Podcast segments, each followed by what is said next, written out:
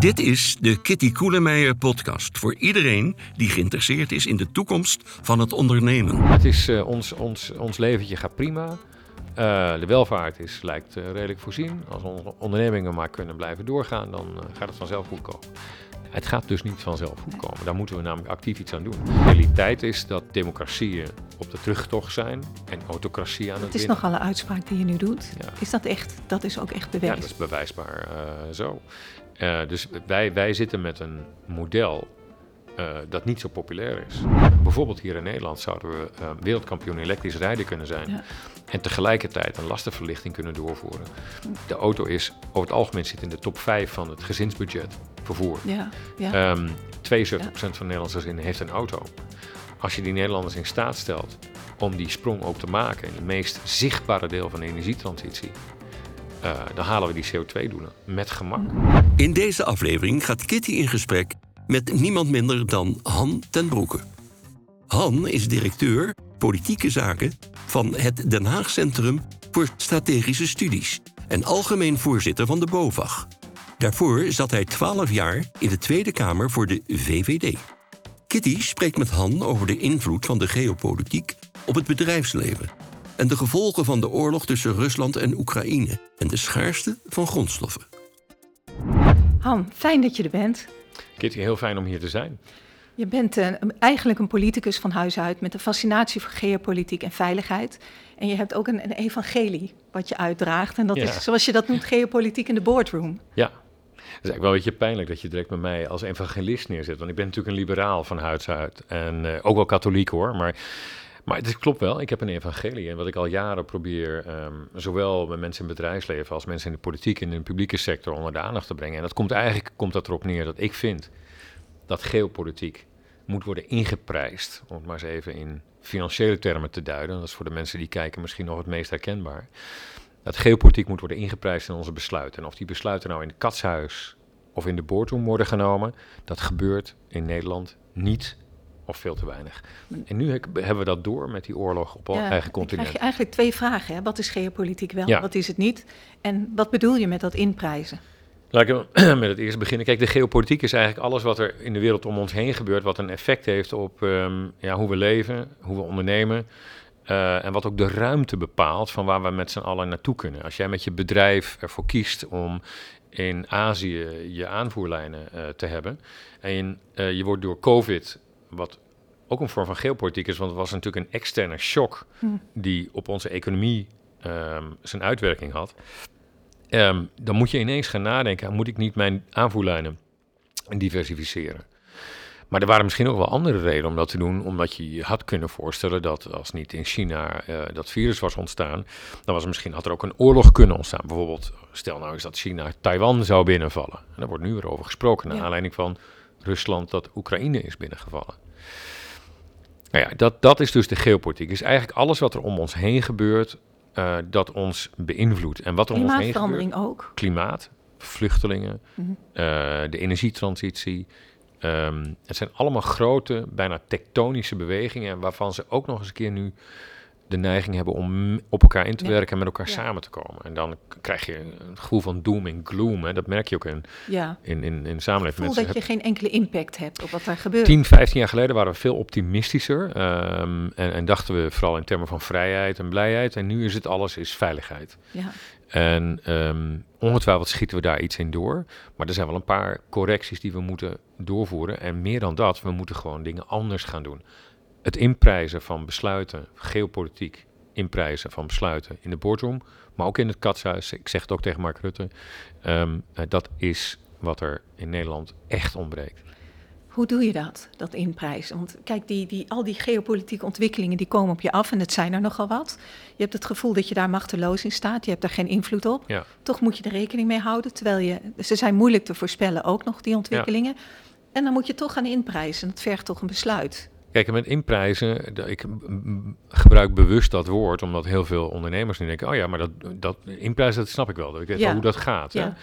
Hè? Maar hoe ga ik nou geopolitiek inprijzen? Nou, maak bijvoorbeeld, ik ben ook voorzitter van de BOVAG. Hè? Dat is een brancheorganisatie voor alles wat rolt en rijdt in dit land, of dat dat mogelijk maakt. Maar dan wel de privésector, dus de NS zit er niet in. Ehm, heel veel van mijn dealers, en ik heb, we hebben 8.500 bedrijven zijn lid van, van BOVAG. En er komen zelfs schade- en herstelbedrijven, Fokwa, die komen straks bijna zitten op 10.000. Dat is echt een substantieel deel van de Nederlandse economie. Nou, als nou ehm, die dealers um, een auto's willen verkopen en op een gegeven moment aan een klant moeten vertellen dat één, ja, dat de energiekosten een enorme, um, zeg maar, onberekenbare factor zijn geworden in de maandelijkse kosten van dat product wat ze verkopen, dan is dat een extra overweging. En moet je dan die klant naar een elektrische auto leiden, of moet je die klant nog steeds naar, naar een hybride auto? Als vervolgens de levertijden op die nieuwe auto's, en er worden in Nederland niet zo heel veel nieuwe auto's verkocht, van 400.000, maar als die levertijden enorm oplopen, bijvoorbeeld omdat er geen kabelbomen, dat zijn dan zeg maar waar ze alle uh, um, kabels die noodzakelijk zijn in die moderne auto's, zijn er dat verschrikkelijk veel, omdat die in Oekraïne in de auto worden gezet, ja, dan zit je daar ineens met een, um, een geopolitiek probleem dat direct jouw verkoper uh, ja. beïnvloedt. Ja. Nou, en zo kan ik, ik kan een eindeloze hoeveelheid van voorbeelden geven. Dan kun je twee dingen doen. Je kunt afwachten totdat het zover is, dat het je dat raakt, zoals COVID ons geraakt heeft. En je kunt ook zeggen, nee, ik ga nu actief nadenken, actief die radar openzetten over wat zijn de geopolitieke risico's die mij kunnen treffen. Is dat een investering die ik heb gedaan, die misschien wel eens niet zou kunnen renderen, omdat die afhangt van een, een, een, Chinese investering of dat die in een geopolitiek moeilijk gebied gebeurt als je je export daar hebt uh, georganiseerd. Maar het kan ook met je import te maken hebben, met je grondstoffen. Uh, grondstoffen is natuurlijk nu een enorm probleem. Maar dat, dat, zie je breed, dus niet alleen de corporates, maar ook het MKB. Ja. zich daarover druk maken. Maar dan, dan, vraag je nogal wat. Ja, want we hebben een aantal corporates, uh, Bascalis bijvoorbeeld, of die um, nog wel in Nederland zitten. En ik hoop dat ze blijven. We hebben geen gunstig vestigingsklimaat voor de grote corporates. Zijn Unilever al weg en Shell. Althans met hun, met hun hoofdkantoren. En dan volgt er altijd meer. Het gaat nooit omgekeerd. Uh, maar aan die grote corporate zit Nederland met ontzettend krachtige MKB. Die ruggengraat van Nederland is MKB. Ja. Maar die ruggengraat kan niet opereren um, uh, ja, zonder de, de, uh, zeg maar het hele staketsel, het, het, hele bouwwerk, ja. de, de, de, het bottomframe. Ja, en dat wordt toch door die grote bedrijven nog altijd neergezet. Maar hoe kan dat MKB nu geopolitieke ontwikkelingen uh, en de gevolgen daarvan goed in kaart hebben en brengen? Ja, nou, ik denk dat daar um, kijk, clubs zoals waar ik bij zit, een denktank als HCS, zouden daar misschien meer moeten en kunnen doen. Maar het begint met het besef dat we extreem kwetsbaar en afhankelijk zijn als we het niet doen. Of als we denken, dit komt wel voorbij als het ja. voorbij komt. Dus, oh ja, denk je dat het besef nu ontbreekt? Ja. Denk je, ja? Maar mag je een voorbeeld geven? Ja, graag. Um, kijk, ik denk dat 2014 was een heel uh, bijzonder moment. Omdat in 2014, dat, ik, ik heb dat ooit, ik was toen nog Kamerlid, hè, uh, we hadden een soort van Summer of War. Je had uh, Gaza-oorlog, eens in zoveel tijd breekt die uit. Je had uh, die hele afschuwelijke situatie met IS in Noord-Irak en de ja. Yazidis, die uh, ja. bijna een genocide, als niet een aantal landen, waaronder Nederland F-16 zouden hebben gestuurd, hadden we gewoon een genocide op het donkere pagina's van onze geschiedenis kunnen bijschrijven. Maar het was ook het jaar waarin Poetin besloot om dat te doen wat hij eigenlijk al met zoveel woorden had aangekondigd, wat we hadden moeten of kunnen weten. En dat is de uh, annexatie van de Krim en het gerommel in de Donbass. En zij zei, ja, dat weten we toch wel? Ja, dat weten we. Maar wat heel weinig mensen zich in Nederland realiseren, en ik blijf dat maar herhalen, en doe dat nu ja, ook heel graag, graag. bij jou. In hetzelfde jaar werd MH17 natuurlijk neergeschoten, dat weet iedereen. Maar wat heel weinig mensen realiseren is dat daarmee Nederland het land is met de meeste burgerslachtoffers in deze oorlog, waar we nu elke dag over lezen. Dus van de niet-strijdende partijen, Rusland en Oekraïne, is Nederland het land met de meeste slachtoffers. 198 Nederlanders vonden de dood daar. Ik zeg, waarom zegt hij dat? Ik zeg het om twee redenen. Als je naar dat vliegtuig kijkt en wie daarin zaten, dus MH17. Nou, MH17 was natuurlijk een vlucht die bekend stond als de Shell-vlucht. Elke, elke week met mensen van Shell die richting Singapore en Indonesië gingen, of daar, van daaruit naar Azië. Um, dus die, um, dat toestel zat vol met mensen van Shell. Het zat, uh, er zaten mensen die op familiebezoek in Indonesië gingen. Daar ken ik toen toevallig een gezin van. Er zat een Nederlandse AIDS-delegatie voor een congres in Australië. Er zat een Eerste Kamerlid van de Partij van de Arbeid. En eigenlijk als je nou heel goed kijkt, dan zit er in dat vliegtuig, zat er dus een beetje zoals Nederland naar de wereld kijkt. Als een businessmodel of een vakantiebestemming. En dit is zoals wij de wereld waarnamen. En wij zijn een van de meest exporterende landen. We zijn het meest afhankelijk van hoe het in het buitenland toe gaat. Onze huidige hoge energietarieven zijn onder andere hoger omdat we uh, onze markt um, meer open is naar de rest van de wereld dan bijvoorbeeld de Belgische of de Duitse. En toch, toch hebben we ergens het vermogen verloren om naar de wereld te kijken als iets waar we ons leven kunnen verliezen, als een gevaarlijke plek. Het was een vakantiebestemming of een businessmodel. En ik heb altijd gezegd, laat dit nou de geopolitieke wake-up call voor Nederland zijn, 2014. Zei je dat meteen al? Ja, ik heb ook letterlijk zo gezegd, alleen het is niet gebeurd. Uh, niet omdat mensen waarschijnlijk ook om, dus niet direct naar mij willen luisteren, dat hoeft ook niet. Dat is een foutje, hè? Dat, dat toestel dat vloog over gevaarlijk gebied, dat had misschien niet gemoeten. Maar dat is dus de naïviteit, ja. want dat toestel vloog over een gebied wat al drie jaar in oorlog was. En um, waarbij uh, eigenlijk die oorlog nog nooit serieus was misschien wel eens in het nieuws geweest, maar het, was niet ons, het haalde niet de voorpagina. Nee, en ik denk ook dat veel mensen niet beseffen dat de oorlog Rusland-Oekraïne toen al. nog steeds, nog steeds. Als ik dit dus zeg van wij zijn het land met de meeste. Zo, ja. ja. En misschien mensen die nu zitten kijken zullen wel dezelfde reactie hebben. En toch zegt het iets, want het is voor mij de verzinnenbeelding geworden van hoe, hoe, hoe argeloos Nederland naar de wereld kijkt. Dus vanuit de boardroom, maar ook vanuit de huiskamer. En hoe komt dat? Omdat wij altijd uit zijn op handel. Om, we hebben een naïeve, naïeve manier om naar het buitenland te kijken. En dat zit iets heel moois in. Dat is namelijk dat je het buitenland ziet als een plek waar je zo naartoe kunt. En dat zie je ook Nederlanders doen. Ja. er is geen plek op de wereld waar je Nederlanders niet als eerste tegen kunt komen. En dat is goed. Uh, dat zit, daar zit het optimistische, daar zit die, die, die ondernemersdrang en ook zeg maar ons, ons, uh, ja, onze wil om te ontdekken. Uh, maar er zit iets niet in wat de rest van de wereld veel beter heeft. Nou, dat is eigenlijk het besef welke risico's je loopt en wat je dan met die risico's doet vervolgens. Kijk, dat de wereld een gevaarlijke plek is, kan je tien keer zeggen. Als het ja. overkomt een beetje, dan vergeet je het niet snel. Nee. Alleen wat je ermee doet is veel belangrijker. En ja, Nederland is niet heel goed in het, het hedgen van die risico's. En dat doen we. In, ja, omdat je ze niet onderkent natuurlijk. Nee, want wat heeft Nederland bijvoorbeeld in de boardroom van Nederland zelf, dus het katshuis, uh, de verschillende kabinetten Rutte, waar ik zelf als uh, uh, buitenlandwoordvoerder natuurlijk ook mijn bijdrage aan heb geleverd. We hebben gewoon de afhankelijkheid van olie en gas van mm. Rusland vergroot. Niet verkleind, nee, vergroot. Wel sancties opgelegd, maar die gingen eigenlijk vloeiden al vrij snel weg. En sancties alleen zijn een dom wapen. Daar, daar doe je niet zoveel mee in de buitenlandpolitiek. Dus onze afhankelijkheid werd groter. Poetin heeft er niet van geleerd dat hij met zijn fikken van andermans uh, land nee, moest afblijven. Hij trekt zich daar niet veel van aan, nee. Uh, dit jaar valt die Oekraïne binnen. Dat kon je vorig jaar al voorspellen. Hebben wij ook uh, ja. als HCSS zijn we daar ook heel alert op geweest. En toch is iedereen verrast. De intensiteit en, en, en wat het voor een effecten heeft. En we kijken nu aan tegen de hoogste inflatie sinds de jaren 30. Ja. er moet een nadat we COVID al 70, 80 miljard hebben uitgegeven om mensen te steunen, moet deze regering weer 17 miljard direct in de bovenarm van mensen spuiten om ervoor te zorgen dat ze nu niet alleen een ja. pandemie, ja. maar ook um, uh, een, een, een winter doorkomen die wel eens heel moeilijk zou kunnen zijn. Ja, en dat is natuurlijk ook hè, dat, dat idee dat je te, te lang uh, gewend bent geraakt, 35 jaar lang aan een dalende rente. En wat Lex Hoogduin, ja. die ook in deze podcast uh, komt, te gast, wat hij, wat hij zegt is, ja, de komende 35 jaar gaat het niet meer gebeuren. Zullen we moeten leven met stijgende rentes. Stijgende rentes en stijgende energieprijzen, waardoor je dus de gemiddelde, um, waardoor dus de gemiddelde prijzen stijgen. En dat betekent dus dat de kostenfactor ja. uh, van, uh, van deze twee elementen in, in, moet worden meegenomen. Dus die worden wel ingeprijsd. Uh, mensen zoals Lex Hoogduin worden gelukkig veel naar geluisterd. Ik luister ook zelf graag naar hem. Maar geopolitiek is in Nederland nog veel minder bekend als iets waar naar wordt geluisterd. Ik, bedoel, ik kan nu, bij wijze van spreken, de, de, de aanbieding om op televisie uit te leggen wat er gebeurt, niet, niet, niet, niet afslaan. Maar de afgelopen jaren was dat ja. echt heel anders. Maar hoe komt dat? Te breed? Te, te nee, Nederland, Nederland, heeft een, Nederland kijkt, als ik het heel onerbiedig mag zeggen, kijkt een beetje naar het buitenland als een soort verstoring van de eigen dienstregeling. Oh. Het is uh, ons, ons, ons leventje gaat prima. Uh, de welvaart is, lijkt uh, redelijk voorzien. Als onze ondernemingen maar kunnen blijven doorgaan, dan uh, gaat het vanzelf goed komen.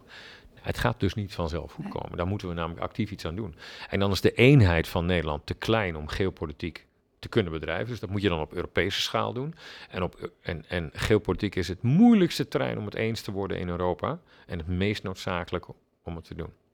Dus dat is de uitdaging waarvoor we staan. Maar inflatie, grondstoffen, energieprijzen, klimaat, energietransitie. Ja. Het zijn eigenlijk allemaal geopolitieke onderwerpen. Ja. Er zitten allemaal geopolitieke elementen aan. Ja. Ja, en toch zien mensen dat niet zo. Wij, wij kijken toch mijn, meer... Mijn pleidooi is dus, Ja. dus mijn evangelie zeg jij dan maar, maar eh, mijn evangelie is dus inderdaad om het door dat prisma te trekken. Ja, en niet en dat alleen is maar ook een volwassenwording. Hè? Want grote landen vinden dat normaal, die doen dat. Ja, In Nederland doen we dat eh, eigenlijk eh, niet of te weinig. nee, en op Europees niveau zijn we, maken we ons ook... We houden ons natuurlijk bezig met eh, ja, hoe ver moet die macht van Europa gaan? Ja, Wat voor eenheid willen we? Krijgen we een eenheid? Ze zijn natuurlijk enorm gefragmenteerd. ja. naar je moet, taal, je moet je macht, want geopolitiek gaat over macht. Ja, Macht uitoefenen of dat er macht op jou wordt uitgeoefend. Nou, ik ben een groot voorstander van een vorm van realpolitiek waarbij wij Ja. eindelijk onze Ja. macht gaan uitoefenen. maar het speelt natuurlijk ook, ook op het gebied van digital. Hè? Denk aan, aan artificial intelligence, de concurrentie tussen de VS en China, die enorm is. En waar Europa ja, eigenlijk toch een beetje mee, mee zit. AI. Ja. ehm, eh, zeg maar, ehm, allerlei computers die met elkaar leren spreken. En dat daar ook dingen uitkomen die je er niet in hebt gestopt. Ja, Ehm, maar denk ook bijvoorbeeld eens even heel, heel plat. Want sommige dingen zijn ook weer geopolitiek heel, heel plat. En die hebben te maken met geolocatie. Namelijk waar komen onze aardmaterialen en, en, en, en eh, grondstoffen vandaan?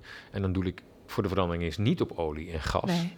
maar eh, kobalt Ja. eh, mangaan, of, of pla- ehm, platinum, germaan. Het zijn allemaal stoffen die je misschien ooit op school een afkorting nog van hebt geleerd. Maar ehm, Die wel in je ze- smartphone ze, zitten. Ze zitten in je smartphone, Ja. ze zitten in je zonnepanelen, Ja. ze zitten in je, eh, eh, je nieuwe auto's, eh, ze zitten in de besturingssystemen, in de computers. Er is eigenlijk niets meer denkbaar. Nog de energietransitie. Ze zitten in alle windmolenparken op zee straks.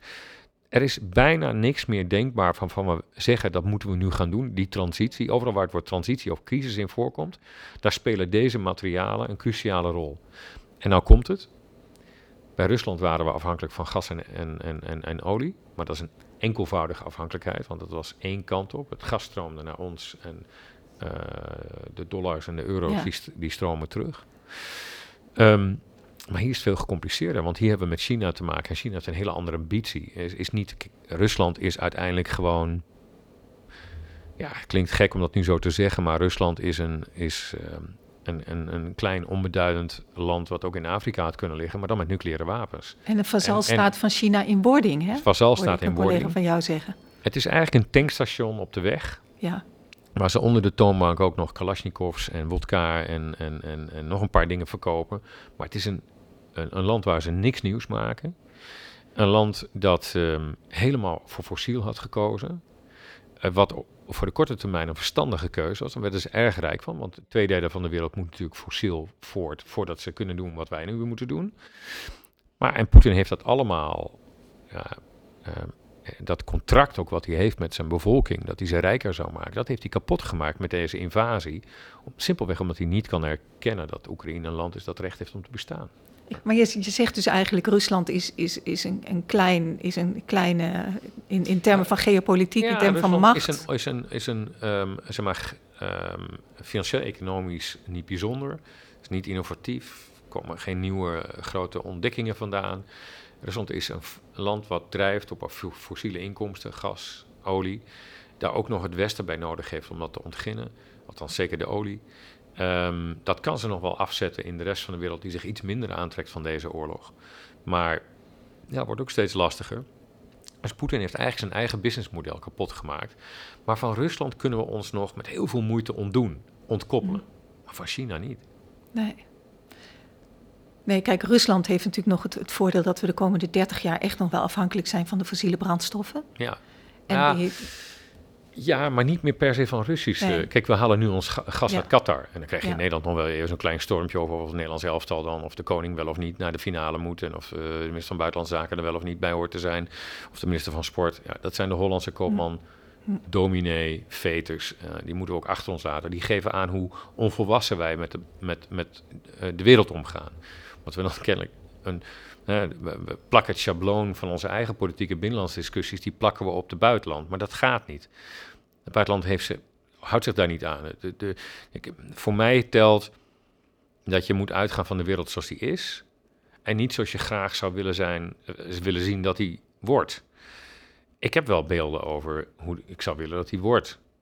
Ehm, en die wijken niet zo heel veel af van uh, de, de, idealen van de Nederlandse regering, bij spreken. Hè? Dus je hoopt natuurlijk dat de wereld een vredige plek is met voorspelbare ja. uh, omstandigheden en met een internationale rechtsorde die werkt. Ja, waar iedereen zich veilig kan bewegen. De realiteit is dat democratieën op de terugtocht zijn en autocratie aan dat het is nogal een uitspraak die je nu doet. Is dat echt, dat is ook echt bewezen? Ja, dat is bewijsbaar uh, zo. Dus wij, wij zitten met een model uh, dat niet zo populair is waarvan hè, onze schappen blijven vol. Ja, maar jij bent een Nederlander en je, je denkt als een Nederlander, maar jij, je kan je er toch buiten verplaatsen. Hoe is dat zo gekomen dat jij dat nu kan en dat het zo lastig is ik heb, voor ik anderen heb, denk dat ik, te doen? Als van, van kinds af aan, en misschien komt dat, kijk, wat zijn de dingen die ik heb meegemaakt in, mijn kind? Ik ben nu 53 en uh, um, ik heb net niet actief meegemaakt de autoloze zondag, maar het ah. idee dat je, uh, afhankelijk van de OPEC-landen, uh, dat heeft me wel gefascineerd begin jaren tachtig de plaatsing van kruisraketten. Wel of niet plaatsen. Op, op, uh, ja. op, wat natuurlijk had te maken met de, de, de, op dat moment ideologische strijd met de Sovjet-Unie. Daarna in de jaren negentig de boom en burst vervolgens van de internetbubbel. Uh, ja. alle, alles kon en, en, en, vrijheid leek het winnende model in democratie. de, de val van de muur. Ja, maar dat is toch iets wat bijna alle Nederlanders meegemaakt hebben. Hè? Ja, maar, maar misschien dat niet iedereen daar uiteindelijk uh, zijn, evangelie van gemaakt ja. heeft. ja. Ja, maar, dat, uh, maar, maar stelde dat jou nou in staat te buiten te kijken? Hè? Want we, we, gaan het zo natuurlijk nog even over China ook hebben. Ja. Maar jij zegt, jij, jij zegt heel vaak Nederlanders uh, ja, zitten in een comfortzone. En, ja. en in, in hun, met hun ideaalbeeld beeld van de wereld zoals zij willen dat die, hè, vinden dat die is ja. of moet zijn. Wat ze niet zien is Op de, de werkelijkheid. Met de afstandsbediening en een paar Ja, maar dan zit dat verschil hem vooral in de veiligheid en de risico's die je loopt. Hè? En het, toch het, het inprijzen van die risico's bij de besluiten die je neemt. Ja. En een beetje ook de ambitie om zelf vorm te geven aan je toekomst. Ja. Kijk, um, Oekraïne wordt nu, als ze het redden, als ze het zouden winnen. Ja, want dat is moeilijk om te zeggen wat ze dan winnen. Ja. Maar winnen zou ja. natuurlijk eigenlijk zijn dat ja. ze gewoon de grenzen, zoals die in 1991 zijn afgesproken en ook door de toenmalige ja. uh, Rusland werden onderschreven. Dat hebben ze gewoon ondertekend hoor. Het uh, handvest van, van Parijs. Uh, 1990 was dat. Maar als ze die weer zouden teruggaan, dat is met inbegrip van de Krim. En of dat gaat lukken, moeten we zien. Maar waar het eigenlijk om gaat, en daarom is dat onze oorlog, um, is dat zij strijden voor uh, het overeind houden van de erkenning dat, dat, je, dat erkende grenzen niet worden aangetast. Dat je je eigen regering kunt kiezen. Dat je zelf uitmaakt bij wie je in een alliantie kruipt. En dat alles wordt ontkend door Rusland en wordt ontnomen aan Oekraïne. En als het Oekraïne wordt ontnomen, dan zijn wij daarna aan de beurt. En het is niet dat Rusland ons direct zal binnenvallen, hoewel ze in Moldavië wel een oog op hebben. Hoewel ze zeker nog stukken uh, uh, Polen zouden willen. Hoewel ze de Baltische Staten, hoewel ze in 2008 ook Georgië zijn binnengevallen. Ja, Russen zelf dus, zeggen, het gaat om, de, om uh, ja, Oekraïne, dat hoort bij Rusland. Het betekent ook letterlijk een stukje Rusland, een klein stukje Rusland. Nou, ook in, het is eigenlijk middenland, het is land, mm. juist niet. Het is land ertussen, tussen Europa, West-Europa en, en, en zeg maar wat zij dan noemen het meer orthodoxe deel van de, van, van de wereld. Dus het is formeel ook niet. Wat ze, wat ze hebben is die gedachte, dat, dat noemen ze dan de Kiev Roes, de, de Russische gemeenschap, dat alle Russisch-taligen, en dat met name die in Wit-Rusland, Oekraïne en Rusland, dat die bij elkaar horen. Maar de oorsprong van de Russisch-orthodoxe gedachte ligt niet eens in Moskou, die ligt in, ligt in Lviv, uh, die ligt in, in Oekraïne veel ouder. Maar goed, dan gaan we terug in de geschiedenis. Voor de Russen heel belangrijk. Maar waar het voor mij om gaat, is de geschiedenis die we met elkaar aan het maken zijn. En die geschiedenis is sinds 1989, de val van de Berlijnse muur, hebben we een soort veiligheidsarchitectuur die ons veiligheid geeft, waarin onze ondernemers vrijheid kunnen ondernemen, ja. geld ja. kunnen verdienen, welvaart kunnen creëren, toekomst creëren voor, voor ons allen. En met welvaart en vrijheid ja, komt ook een vorm van geluk. Ja, individueel geluk, maatschappelijk geluk. Allemaal zaken waar we nu vraagtekens bij stellen. Hm. Nou, um, daarom is het van belang dat Oekraïne dit wint. Want als die afspraken komen te wankelen, dan zijn onze kinderen en kleinkinderen de rest van de eeuw niet meer zeker. Ja. Want het is één les die autocraten nu leren. Je kunt ze treffen als je maar gewoon doorzet. En dat kan op militaire wijze, dat kan door te hacken, dat kan door desinformatie te verspreiden. maar je kunt het Westen destabiliseren. Ja, je denkt, maar je denkt dat... is onze oorlog. Maar dat legt Rutte nooit uit. Nee, waarom legt hij dat niet uit? Ja, ik heb hem dat laatst ook. Je moet daar echt veel meer aan doen. Kijk, hij zegt dan bij de persconferentie, het is onze oorlog. Maar wat, wat zeggen mensen dan? Ja, onze oorlog, onze oorlog. Het is oorlog in de supermarkt. Ja, dat is toch die uh, psychologische afstand, hè? Als we in Amerika zouden hebben gewoond, zou er al lang een bumpersticker zijn ontwikkeld. Ja. Hey, it's the inflation, not the invasion. Stupid. Daar hebben mensen zo eh, een mooie sticker voor klaar, t-shirt. Ja. En in Nederland komt dat gevoel er wel. En is de regering, weet eigenlijk niet goed raad met de geopolitieke boodschap, die net zoveel herhaling vraagt als een boodschap dat we zouden moeten bezuinigen. Of dat we meer verantwoordelijkheid in onze zorgpolis moeten nemen dat is dat ongemak met die geopolitiek. Het zit zo diep in de Nederlanders en ook in de Nederlandse politiek. En het is, het is heel slecht. Want het zet op ons op een achterstand. Terwijl Nederlanders altijd ehm, voorsprong kunnen behalen. op het moment dat ze als eerste de kansen zien. En dit zijn niet alleen maar bedreigingen, hier zijn ook kansen. Um, want er zijn kansen voor de energietransitie. Dat zie ik ook bijvoorbeeld in mijn eigen sector bij de BOVAG. Als je naar kijkt in Nederland, de huizenbouw is de bebouwde omgeving noemen ze dat dan in politieke jargon. De zware industrie in Muiden, uh, chemische industrie in Pernis, de binnenvaart, Schiphol, de boeren. Allemaal klagen ze dat ze die transitie niet zomaar kunnen doen. En allemaal hebben ze gigantische CO2-opgaven. Fit for 55 en we gaan dan naar 60%. Er is één sector die iets heel anders zegt. Dat is de sector waar ik voor verantwoordelijk ben en met wie ik probeer afspraken te maken met Den Haag. De auto's. Wij kunnen het wel. Wij kunnen 3 megaton van de Nederlandse weg halen. We gaan naar 10 miljoen auto's en toch kan het. Moet de regering wel bereid zijn om ook mee te werken aan het idee dat mensen die die overstap kunnen en willen maken door in een schonere auto te gaan rijden, dat je die niet nog zwaarder gaat belasten, omdat je aan de andere kant van de economie weer geld moet uitkeren. Ja, het is natuurlijk een hele mooie boodschap die je nu voor de achterban brengt. Ja, je maar ziet het natuurlijk ook een beetje. verbinden. Ja. Die twee dingen zijn voor mij dezelfde. Ja. Het is, het, is, weet je, je kunt over de geopolitiek wel heel erg bedroefd en, en zwaarmoedig en, en een beetje Gebby Hulteman, uh, voor zover uh, mijn generatie weet nog wie dat is. Jij bent misschien nog net. Uh, ja, en ik, ik herinner me. Nou, de, misschien een paar mensen zijn die nu zitten luisteren. Die weet ik ook nog wel. maar googlen of uh, op YouTube. Elke zondag, ja. Uh, En dan, Met een hele sonore, karakteristieke stem. De, de, de toestand in de wereld. Voorname man ook. Hele voorname man. Heb je ze niet meer van, van die orde. Maar um, het, je hoeft niet zwaarmoedig te worden van deze risico's. Nee, want ze zijn er gewoon. Het is gewoon part of life. de wereld accepteert. Dus die is er niet, zoals je wilt die wordt.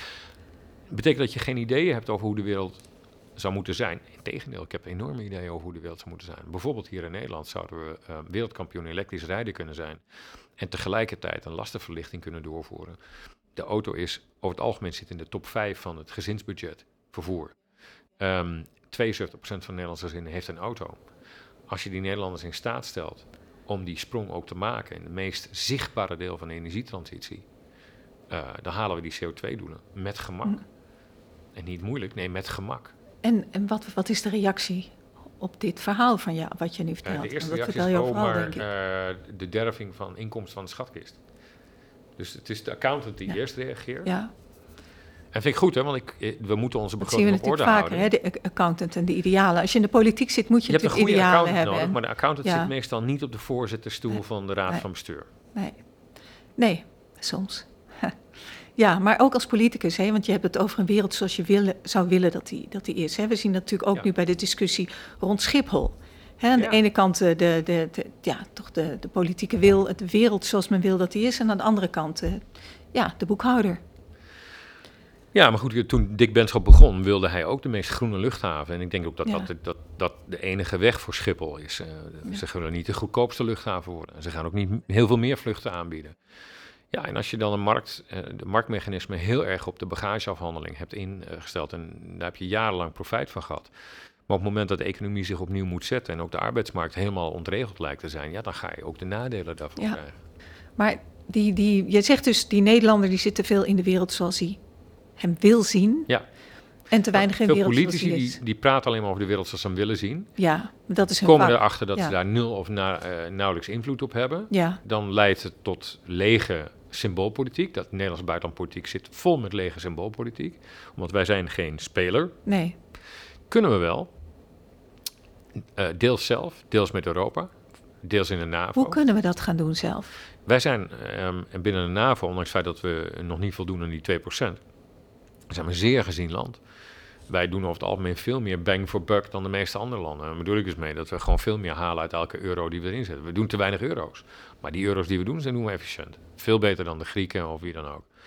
Um, in de EU hebben we, met dank ook aan deze minister-president, die nooit zo pro-EU was, maar die ondertussen het oliemannetje tussen al die regeringsleiders is geworden. En de EU is een beetje leiderloos sinds, uh, sinds Merkel. Hebben we natuurlijk een positie ons verworven die niet meer is op de achterbank, want daar hoort Nederland niet beetje meerijden met de uh, goede gemeente. Nederland hoort natuurlijk ook niet achter het stuur, dat snap je. Daar zitten de Duitsers en de Fransen. Wij horen ook niet op de bijrijdersstoel. Wij horen in de schakelbak, om maar even een BOVAG-achtige vergelijking te noemen. Dus wij moeten meebepalen of, Nederland, of, of um, Europa een tandje harder gaat of een tandje zachter. Ja. Een tandje lager. En dat doen we ook, zeg je. Dat gaan we nu een beetje doen, maar daar zijn we ons eigenlijk te weinig van bewust. Daar zouden we veel meer in kunnen doen. Die, die positie past ons heb je wel de juiste mensen voor nodig. Die moeten ook leverage hebben binnen die Europese Raad. Maar daar kunnen we echt iets doen. Kijk maar naar uh, de Turkije-deal, mede door Nederland tot stand gebracht. Ja. Ja. Als jij nou aan de knoppen zat, hè? als jij nou die auto, die, auto uh, mocht uh, besturen, wat zou je doen? Wat moet er gebeuren? Ja, ik zou het eerst, Vanuit Nederlands het stuur zou keurig in Europa over Nederland. Ja, ja mag nou, in, Europa, in Europa zijn, zou, ik het, zou ik het graag direct aan de Duitsers en de Fransen over, want Nederland heeft niet de leverage om dat te doen. Maar zij doen dat goed, die Duitsers en die Fransen. Die doen, dat, die doen dat goed, die Duitsers en die Fransen. Maakt niet uit of ze het goed doen, zij zijn het. Maar doen. Het is. Ja. Het is. Kijk, um, over Scholz hoor je nu geen geweldige verhalen. Nee. zit erg op de, op de Duitse lijn. Um, heel weinig. Dus van de Duitsers komt er weinig Europees gemeenschappelijk gevoel op dit moment. Maar dat komt wel terug, want het zit in de Duitse benadering van Europa. En er zijn te weinig landen die de Fransen toestaan om die leidersrol op zich te nemen. En de Britten hebben zichzelf natuurlijk op een verschrikkelijke manier in eigen voet geschoten. Als je ziet hoe het daar nu gaat, dan denk ik dat de terugkeer naar Europa hooguit twee, drie verkiezingen weg is, bij wijze van spreken. Maar Nederland kan een heel constructieve rol vervullen. Wij zijn het meest anglo-saxische land zonder op het, op het continent. En wij zijn het meest Rijnlandse uh, land binnen de anglo-saxische coalities, bijvoorbeeld in de NAVO. Ja. Um, we hebben prima relaties met de Baltische staten, met Oost-Europa. We hebben op de wereld een goede naam als het gaat om ontwikkelingssamenwerking en dergelijke. Ja. Je moet dat, en dat is realpolitiek, dat moet je durven inzetten. Je moet dus in die geopolitieke strijd, die is ontbrand en die dus nu in de huiskamers komt en die elke dag voorligt in de boardroom of in het katshuis, daar moet je een speler willen zijn. Hm. Misschien niet een spelverdeler, ja. maar wel een speler. Een onmisbare speler. En, wat zou je doen? Wat zou je doen? Wat is dan het eerste wat je zou doen? Ik zou op dit moment beginnen. Ik denk dat de grootste uitdaging zit hem op de continentale veiligheid, dus Europa. Ik zou tegen de Amerikanen zeggen: jullie hebben al je aandacht nodig voor Azië en dan willen we jullie steunen. Dat kunnen we rechtstreeks doen, maar we kunnen het ook op een andere manier doen. Haal die zesde vloot, uh, uh, die ze in een Spaanse haven hebben liggen. Ah. Neem die mee onder je arm. Uh, breng hem naar Taiwan, China, of in ieder geval de, um, richting de Indische Oceaan. Um, en wij gaan allereerst eens onze eigen broek ophouden in onze eigen omgeving. Dus de, de Middellandse Zee gaan we zelf controleren. En dat betekent dus wie dat zegt doet niet alleen kustwacht, die doet dus ook de landen daaromheen. Dus de landen in Noord-Afrika, de landen in het Midden-Oosten, heel lastig. En de landen aan onze oostgrens. Maar kunnen wij onze verantwoordelijkheid. Kunnen we dat wel? Ja, dat kunnen we. Ja. Hebben we de middelen al voor? We hebben middelen zat. We hebben middelen zat. Het klinkt heel gek wat ik nu zeg. We hebben middelen zat. Wij zijn nog altijd het rijkste deel van de wereld. En nou, Europa heeft nu nog de kans om met al die rijkdom en al die economische macht en pracht die we hebben, om die ook um, in een Ehm, hefboom onze macht op te leggen dan. Want dat klinkt in Nederland altijd heel raar. Oh, wat zegt hij nu? Nee, hij zegt het gewoon. Ik zeg, wij moeten onze macht gaan opleggen aan onze omgeving. krijgsmacht is toch niet op niveau? Dat schijnt toch zeker tien jaar te duren? Nee, we hebben een fantastische krijgsmacht. Dat is alleen niet groot. En op een aantal vlakken is hij... Uh, zakt het materieel door de hoeven. En het personeel moet meer betaald krijgen. Dat laatste gaan ze nu als eerste doen. Materieel komt erbij Uh, bij H6S maken we ook mee die keuzes, proberen we voor te bereiden. Dus daar, daar kunnen we heel snel een sprong in maken. Maar we hebben bijvoorbeeld een hele goede marine. Die zou prima rol kunnen vervullen in die, in die zeg maar, kustwacht, gemilitariseerde kustwacht. Onze buitengrenzenbewaking kunnen we prima doen. Denemarken kan er ook mee doen. Spanje kan er mee doen.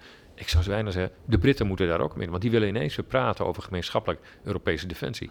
Dat is dus geen Europees leger. Want dit gaat van hoofdstad naar hoofdstad. Hij heeft EU-Brussel geen bal mee te maken. Die moet je ook niet ertussen inzetten. Dan krijg je duplicatie. Dan krijg je wrijvingsverlies. En er gaat heel veel geld, belastinggeld bij verloren. Nou, hier kunnen we zo mee aan de slag. Vandaag, zeg nog. Dat zou jij doen. En dat zou ik direct... Maar gebeurt dat ook? Er zijn pogingen om dat, te om dat te doen, maar het is het moeilijkste terrein van Europese samenwerking. En je moet dan eigenlijk, en dat is een ander heilig huisje, je moet dan eigenlijk zeggen: Europa wordt een fort Europa. Want we moeten voor onze eigen manier van leven, moeten we ons beschermen tegen autoritaire en andere invloeden die die manier van leven proberen te ondermijnen. Maar dat is een vorm van protectionisme. Dat is iets nee, waar... Niet alle protectionisme is, uh, protectionisme is, ja, ja. is bescherming. Het is een vorm van bescherming. En Ford heeft letterlijk protectionisme. Ja, maar is, is, heeft ook ophaalbruggen die je kunt neerlaten en ophalen. Ja. Zolang je er zelf maar over gaat. en op dit moment gaan we er niet zelf over. Wij gaan niet over de vluchtelingenstromen. En weten eigenlijk ons geen goed raad. Wij gaan niet over illegale wapenhandel. Wij gaan niet over illegale oliehandel. Terwijl het niet zo heel moeilijk zou zijn om die vanuit Libië bijvoorbeeld te kunnen controleren. Mhm. Ehm, eh, we laten ons telkens overkomen dat landen als Tunesië, Marokko, maar ook uh, Wit-Rusland, ja, ons eigenlijk lachend um, voor aap laten staan. terwijl ze geopolitieke vlieggewichten zijn. Als Europa met de meest krachtige instrumenten lees het, um, het uh, competitiebeleid en ook het handelsbeleid. Wij kunnen uh, een half jaar lang importrestricties uh, um, op landen om ons heen uh, opleggen. Of juist voordelen geven aan landen die wel willen meewerken met ons. Omdat dat is vloek in de kerk. We hebben baat bij een open economie. Dat is natuurlijk het... Ja, maar een open, open economie waarbij je um, wordt ge, gepleed door. Nou, een open economie. Pleiten voor een open economie is een beetje als dat voet, Nederlandse voetbalelftal. dat elke keer aanvallend voetbal bepleit. en de ene naar de andere 6-0 nederlaag mee naar huis neemt. Dan is snel afgelopen met die open economie. Dus ik ben erg voor mooi voetbal. Mm -hmm. maar, ik ben ook, maar ik ben erg tegen een hele slechte defensie. Ja, dus met voetbal heb je wat minder sterke tegenstander mij.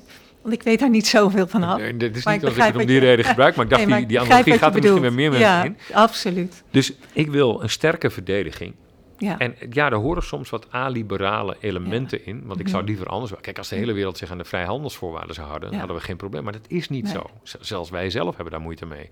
Nou, en dan komen we weer terug op dat evangelie van het beprijzen. Wat ik eigenlijk nu aan het doen ben, is mensen leren dat Europa leren, is dat als jij je macht wil uitoefenen op jouw omgeving, om daarmee je eigen belangen zeker te stellen, dan zul je soms onaangename maatregelen moeten nemen of moeten opleggen. En die leiden vaak tot prijsverhogingen. Dus die moeten we incalculeren. Ja. Als wij 5G-netten aanleggen en we zeggen Huawei is uitgesloten, terwijl Huawei alle techniek in huis heeft met afstand de goedkoopste is, dan maken we de keus ja. dat, wij bereid zijn om een supplier niet mee te nemen om geopolitieke redenen. En dan betaalt iemand down the line de prijs. Ja. ja, en dat is natuurlijk ook voor, voor, ja, voor, voor MKB-bedrijven, eigenlijk voor iedereen die in Nederland leeft, natuurlijk moeilijk in te schatten in hoeverre verhalen waar zijn. Hè? Verhalen als bedrijfsspionage vanuit China. Maar die zijn waar. Als je nu ja, in Westland... Uh, je vindt het natuurlijk fijn. Je vindt het niet leuk om, om, om een land en andere mensen vanuit zo'n, vanuit zo'n gezichtspunt te bekijken. Om, om al argwanend te beginnen. En ik geloof wel dat het waar is, maar hoe waar is het? Hoe, hoe, hoe vaak komt het voor? Hoe groot is het dit? Het is waar, het komt voor. Er wordt ook in de boardrooms wel degelijk over ja, dat gesproken. Weet ik, met name dan bij de wat grotere bedrijven, technologische bedrijven. Maar het zit hem ook in de landbouw. Um, allerlei landbouwbedrijven of kassenbedrijven waar, of, of zaadveredelingsbedrijven waar Nederland heel goed in is. Alles zeg maar in het, het, het Wageningen cluster noem ik dat maar even. Ja. Daar zijn de Chinezen bijzonder in geïnteresseerd. Als, je, als een, een, minister van Buitenlandse Zaken, een Nederlandse minister van Buitenlandse Zaken, kan zijn naam even niet noemen, maar je kunt raden welke van de drie het was van de afgelopen jaren. Die zei ooit tegen mij, iedereen denkt altijd maar dat ik zomaar de Chinese minister van Buitenlandse Zaken kan bellen. En dat kan ik wel, maar dan heb ik hem niet direct aan de telefoon. Maar als ik zeg dat ik het over Wageningen of over Rotterdam wil hebben, dan heb ik ze direct aan, de lijn. Mm. En daarin zijn ze geïnteresseerd. Mm. Ja, en zijn we naïef of doen we naïef? Hè? Ja, we Want zijn naïef. Nederland doet natuurlijk ook dingen in het buitenland. Oh ja, ja, nee, nee. Ons, als je bij ons bij de MIVD, eh, de Militaire Inlichting en Veiligheidsdienst, en de, uh, wat is het in, de, uh, in, Den Haag, uh, daar bij het ANWB-gebouw, wij, wij hacken ook. Ja. Uh, wij doen ook operaties. En dat is nodig om te achterhalen wie ons dit heeft aangedaan. Kijk, um, ja, je kunt niet alleen maar boeven vangen als je niet nee. ook, uh, probeert. Maar je zegt eigenlijk, wij doen dat defensief. Wij doen dat niet offensief. Ja, wij doen niet offensief. Nee. Nou ja, wat, wat, is offensief? Kijk, als je, als je een spoor moet achterhalen waar een potentiële hek vandaan komt, dan zul je misschien aan de cover moeten gaan. Mm. Is dat offensief? Dat is een vorm van offensief. Maar dat hele Ja, maar onderscheid is te- offensief en ja. um, defensief. Daar zit een soort moreel prerogatief aan, zit daaronder. Van Ja. het ene is goed en het ander niet. Nee, wat, wat goed is, is wat uiteindelijk ons belang dient. En dat betekent niet dat alles wat ons belang dient, alle doeleinden, eh, dat, dat Ja, alle dat middelen alle geoorloofd ja. zijn. Dat moeten we dus omschrijven in wetgeving. Dat doen we in de eh, wet op de inlichting en veiligheidsdienst. Daar staat heel nauw omschreven Mm. wat wel en wat niet mag. Maar dat moeten we wel doen in ons besef dat we dat doen in een wereld die helaas niet onze normen omarmt. Dan hoeven we ze zelf niet los te laten. Nee. Wat moet heeft- er gebeuren? Hoe maar het moet ook je- geen ballast worden. jij, jij wil dat, dat we minder naïef gaan denken en Mm. gedragen. Hoe krijg je dat voor elkaar? Ik denk dat nu, kijk, het besef dat er weer oorlog is op ons eigen continent, dat doet een heleboel. Ja, absoluut. En dat het zo snel naar een pandemie komt, doen denk ik ook heel veel. Dus je hebt soms de internationale crisis nodig om het besef van mensen. Eh, Maar dat besef is er nu inderdaad. En dat, dat ja, is en ook de reden dat de je hele overal wereld wordt de hele tijd, nu. als je, als je grootgutter bent, eh, lukt dat misschien nog net. Maar als je een klein eh, bedrijf hebt en je verloont groente en fruit, Ja, dan ga je niet. als je, nee. maar, je hebt er wel mee te maken met de stijgende kosten. Dus je houdt Ja. toch die krant in de gaten. Ja. Dat is ook al een vorm van geopolitiek besef. Hè? Mm. Dat, dat je als MKB'er ineens toch andere delen van de krant aan het lezen bent. Om te zeggen, goh, waar gaat het naartoe? Wat betekent dit voor mijn, voor mijn voorraden of voor mijn inkoop of voor mijn... En die, die vraag, waar gaat het naartoe? Hè? Hoe kijk jij daarnaar? Want denk jij in scenario's? Ik weet dat Ja. eh, HCSS heeft natuurlijk ook eh scenario Ja, planning dat doen we heel veel. overgenomen van Shell zelfs, geloof ik. Hè? Die, Ja, het is wel een ontuit Shell Ja. element, maar ik de hele scenario planning is natuurlijk niet van Shell, maar dit is een Nee, maar zij waren omdat zij ermee beroemd zijn geworden. ja. Maar nee, scenario planning is volgens mij het enige kan in een onzekere wereld, omdat je ehm, mensen zouden het liefst zien van kijk in een glazen bol en vertel ons wat er gebeurt. Dat bestaat niet, hoewel, kijk, geopolitiek is een domein van de sociale wetenschappen, zou je kunnen zeggen. Maar wat ik interessant vind, en ik ben natuurlijk al vrij oud, maar eh, bij H66 lopen allemaal van jonge gasten rond die, die 23, 24, 25 zijn. En die hebben allemaal toegepaste natuurkunde gestudeerd of iets anders. En doen geopolitiek er als het ware bij. Bij mij is het precies omgekeerd. En natuurkunde moet je mij niet vragen. Ehm, maar die, die maken dus simpelweg gebruik van algoritmes en, en, en eh, eh, het feit dat er enorme data-oefeningen mogelijk zijn, mits je die beheerst, om sociale gedragingen van staten en niet-statelijke actoren, om die niet alleen actief in beeld te brengen, maar om daar zelfs voorspellend of in ieder geval verklarend vermogen uit te halen. En die kijken naar hoeveel licht er brandt in, eh, in China s'nachts. En daar kunnen ze een voorspelling uit afleiden eh, voor de, de productie die daar dan plaatsvindt of niet. Eh, Zero COVID, de ideologische benadering van Xi, nu weer bevestigd bij dit partijcongres. waarbij hij voor de derde keer tot partijleider en president is, is gekroond. Zero COVID maakt dat de Chinezen zichzelf op achterstand zetten. Die doen een beetje eh, kijk, waar, waar, Poetin had, als hij niet was binnengevallen, als hij de kaart van fossiel was blijven spelen, was Rusland de komende twintig jaar onvoorstelbaar rijk geworden. En daarmee ook een factor. En misschien wel een veel eh, indrukwekkender factor. Nu hebben ze zichzelf tot paria van de wereld verklaard. Althans, in ieder geval in de westerse wereld. En ook in toenemende mate in een niet-westerse gedeelte. Dat zijn landen die eigenlijk ook wel graag zouden zien dat het Westen een keer een goede Ja. optater Ja. zou krijgen, omdat ze ons hypocriet vinden. Daar hebben ze vaak gelijk in.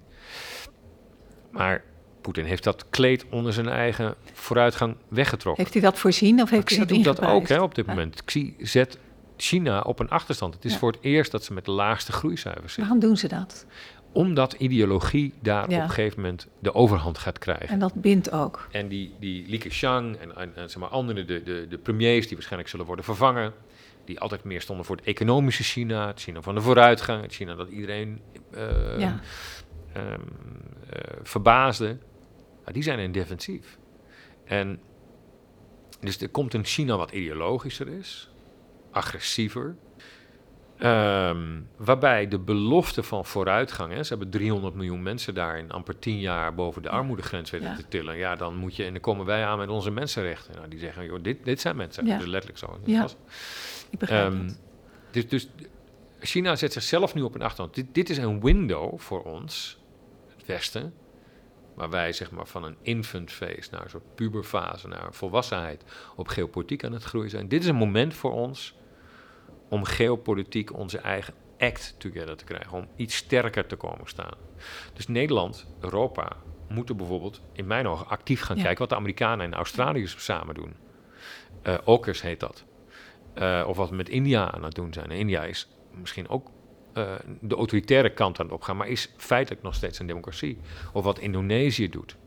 En kun je zeggen, ja, de, de, daar hebben we ook heel veel problemen mee. Omdat, uh, uh, zeg maar, zwaar extremistische moslims daar in toenemende mate het beleid bepalen. Ja, dat klopt.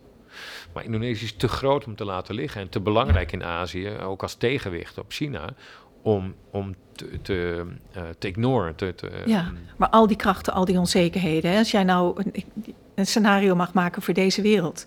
En, en, ja, en dan, heb, dan heb je twee, twee assen.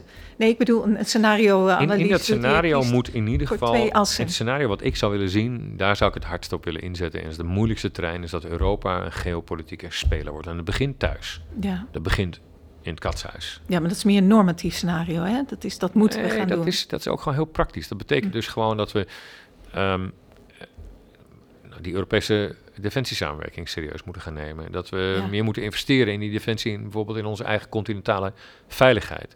Dat we onze instrumenten van effectieve politiek waarmee we onze omgeving iets kunnen opleggen in plaats van dat die omgeving ons wat aandoet, dat we die in één hand brengen. Dat we die dat uh, handelspolitiek en competitiepolitiek bijvoorbeeld soms dienstbaar moeten zijn aan Europese buitenlandpolitiek. In plaats van dat we ja, vanwege een liberale filosofie denken dat die op zichzelf staan. Um, Vraag het Lex uh, Hoofdtuin. Ja, dat ga ik vragen, zeker. Ik zou van Lex Hoofdtuin wel eens willen weten, die heel kritisch is. En ik volg hem en ik steun hem ook vaak daarin. Uh, op de, het, het, het, beleid van de Europese Centrale Bank. Um, in feite inflatiebestrijder zou moeten zijn, maar langzamerhand meer aan het doen is. Landen overeind houdt, het financiële systeem overeind houdt in Europa. Geen werkgelegenheidsdoelstelling heeft zoals de uh, Fed. Maar ik zou van hem wel eens willen weten, hoe ziet hij dat je met een munt ook iets van een buitenlandpolitiek gaat introduceren? Al was het maar tegen de dollar, want we kunnen niet eindeloos afhankelijk blijven van de Amerikanen. Nu zijn het weer de Amerikanen die de kooltjes uit het vuur halen in Oekraïne. En ik vind dat een schande. Ja. Dat vind ik echt een schande. Ik stel Lex die vraag. Maar wat ik, wat ik jou toch wil vragen is in, die enorme, in dat enorme geweld bijna van, van ontwikkelingen... is het heel erg moeilijk om, om structuur te vinden. Hè? We hadden het over scenario planning. Daarbij gaat het strategische exploratief gaat het om, om assen te vinden met, uh, van onzekerheden met een grote impact. Ja. Nou, als je nou twee van die onzekerheden zou moeten kiezen hè, waarmee je scenario's zou willen nou, opbouwen. Welke zouden dat zijn? Eén is de toenemende, uh, de toenemende uh, invloed van autocratieën. Nou, vat ik maar even gewoon alles wat, wat zeg maar autoritair is in de wereld tegenover alles wat open en vrij is. Dat is één. En de tweede is de, ehm, de energietransitie of de klimaattransitie, hoe je het ook noemen wil, dondert eigenlijk niet. Um, omdat die voor heel veel conflict stof kan zorgen. Ja, dus de snelheid waarmee dat gebeurt... is enorm. Ja. ja want het klimaat op dit moment op de wereld uh, bewerkt. We zien het in Limburg, we zien het elders. Het gaat snel. Uh, Canada de afgelopen uh, zomer. Nou, Siberië, ehm, zeg maar, die ondergrondse branden die, die niet gaan. Smelten van ijskap. Het, het, is um, angstaanjagend snel. En we kunnen het nog net uh, nou, niet keren, maar we kunnen, we kunnen het... Nog containen? Nee, ik, ik, denk dat ja. nou, nog opvol, maar ik denk dat we het in ieder geval... We kunnen het leefbaar houden. Maar ja, daarvoor is er geen andere optie uh, dan een verregaande vorm van samenwerking... die we op dit moment misschien met elkaar op korte termijn niet zien zitten, maar op lange termijn overleving is. En we zijn een klein beetje lopen we het risico dat we dat kikkertje in een langzaam hittend, verhittend, maar niet zo Heel langzaam, het gaat steeds sneller. Een fittend uh, kookpannetje zijn. En die kikker weet echt wel dat het water warmer wordt. Ja, maar die weet niet wanneer hij moet springen. Nee, want die denkt, het, het kan nog wel even. Ja, we, moeten nu springen. Maar durf je een uitspraak te doen over de toekomst? Ja, dat hij ongewis is. Nee, ja. nee dat, dat, ik, ik ben een optimistisch mens en ik ben ook wel optimistisch naar aanleiding van analyses uh, zoals ik ze lees en zie. Um, kijk, Oekraïne, Oekraïne laat ons ook zien waartoe mensen in staat zijn als ze existentieel in een bestaan worden bij. Wat Oekraïne laat zien is niet alleen de power om zich te verzetten, maar is ook civiel courage, is, is een burgerschap wat we op dit continent al heel lang niet meer hebben gezien. Moed, individuele moed, uh, gemeenschapszin, uh, de wil om een, om een nihilistische uh, ideologie uit het Kremlin te weerstaan. Ja, ja. Hadden wij er maar 2% van, dan zouden we misschien iets minder zeuren. In hebben we dat niet of is het latent, hè? Je weet niet wat er nog Ik denk dat het latent is, ja. dat we wel degelijk hebben. We hebben die ruggengraat ook. ook. denk het ook. Ja, is toch hoopvol. Uh... dat is zeker. En wat, wat drijft jou zelf om je hiermee bezig te houden? Hè? Het is niet altijd vrolijk en je, je bent er toch dag en nacht uh, met die geopolitiek bezig. Ja. En, en, ook, ook ja, dat aan het, aan het, uh, voor het voetlicht aan het ja, brengen. En... Ik kan niks beters. Ik kan niks beters. ik kan niks beters. Of er zijn niet veel anderen die het, die het beter kunnen, dat kun je ook nog zeggen. Er zijn er heel veel gelukkigen die dat, die dat ook doen. En, ehm, en ik hoop dat die mensen ehm, iets meer invloed gaan hebben op het beleid. Ja, en heb je Kijk, ik kom natuurlijk uit een situatie waarbij ik vrij veel invloed had en misschien iets minder vrijheid. Ja. En nu heb ik veel meer vrijheid. En wat ik doe, kan ik zeggen uh, wat ik wil, zonder dat ik me rekening hoef te houden met uh, wat een fractie of wat een coalitiegenoot daarvan vindt. En ik zeg niet zo heel veel andere dingen volgens mij dan ik in het verleden zijn, maar ze komen nu veel oorspronkelijker uit mezelf en ik hoef niet meer af te stemmen. Nee. Uh, maar daarmee heb je ook invloed verloren en dat is jammer. En met name op die geppert, daarom is dat evangelie en je begon daarmee. Nu heb ik, heb ik dus mezelf tot evangelist gedoopt, dat vind ik wel... En, eh, evangelist, dat is toch een beetje een geuze naam. En, en ik weet niet, dan moet ik ja, De Big Tech heeft zoveel evangelists in dienst. En die, ja, die doen wat jij doet, maar dan meestal wat positiever. Nou ja, je bent iemand die, die de boodschap verkondigt en je hebt een boodschap. Dus, dus wij, wij koppelen dat misschien te veel aan religie. Maar het is, het is gewoon het verkondigen van een, van een mooie boodschap. Ja, nee, ik heb absoluut een. Uh, ik heb wel een boodschap. Ja, ja dat is duidelijk. En, en komt dat nog ook door, je, door, door thuis? Heb je dat meegekregen van huis uit? Mijn beide ouders zijn onderwijzer, dus het zou oh, zomaar kunnen. Dat zou zomaar kunnen. En, en nog, nog tot slot heb je nou, stel dat, dat er mensen kijken en luisteren die zeggen, ja, die geopolitiek zo interessant. Ja. Ik wil daar meer over weten, meer over lezen. Waar moet ik beginnen? Is er een blog? Is er een boek? Natuurlijk jou volgen, maar is er, is er iets waarvan ja, maar Als je mij volgt, af en toe doe ik ook suggesties. Um, Ik heb zelf, er zijn er, um, is een aantal... Um, nou, wat, wat ik zelf een hele goede, interessante podcast vind... is die van Ezra Klein van de New York Times... Uh, die pakt allerlei onderwerpen, maar die is heel verwonderd altijd. Een hele intelligente man, maar is ook heel verwonderd in de geopolitiek. En daarom is het waarschijnlijk heel leuk om daarna te luisteren. Dus ik kan allerlei heel gespecialiseerde blogs uh, aanraden of, of uh, podcasts, maar dit, dit is een hele goede. Um, en voor de rest zal ik af en toe mijn best doen om een suggestie te doen op Twitter. Ja. Nou, dankjewel Han. Fijn dat je er was. Ik heb het hier graag gedaan. En fijn dat je me hebt uitgenodigd om mijn boodschap te Met kunnen Met alle plezier. Ja. ja, dank je. Dit was de Kitty Koelemeijer podcast. Als je dit gesprek interessant vindt en vaker dit soort gesprekken wilt zien of horen, druk dan op die bekende knop. Want dan weet je één ding zeker: de podcast van Kitty wordt vervolgd.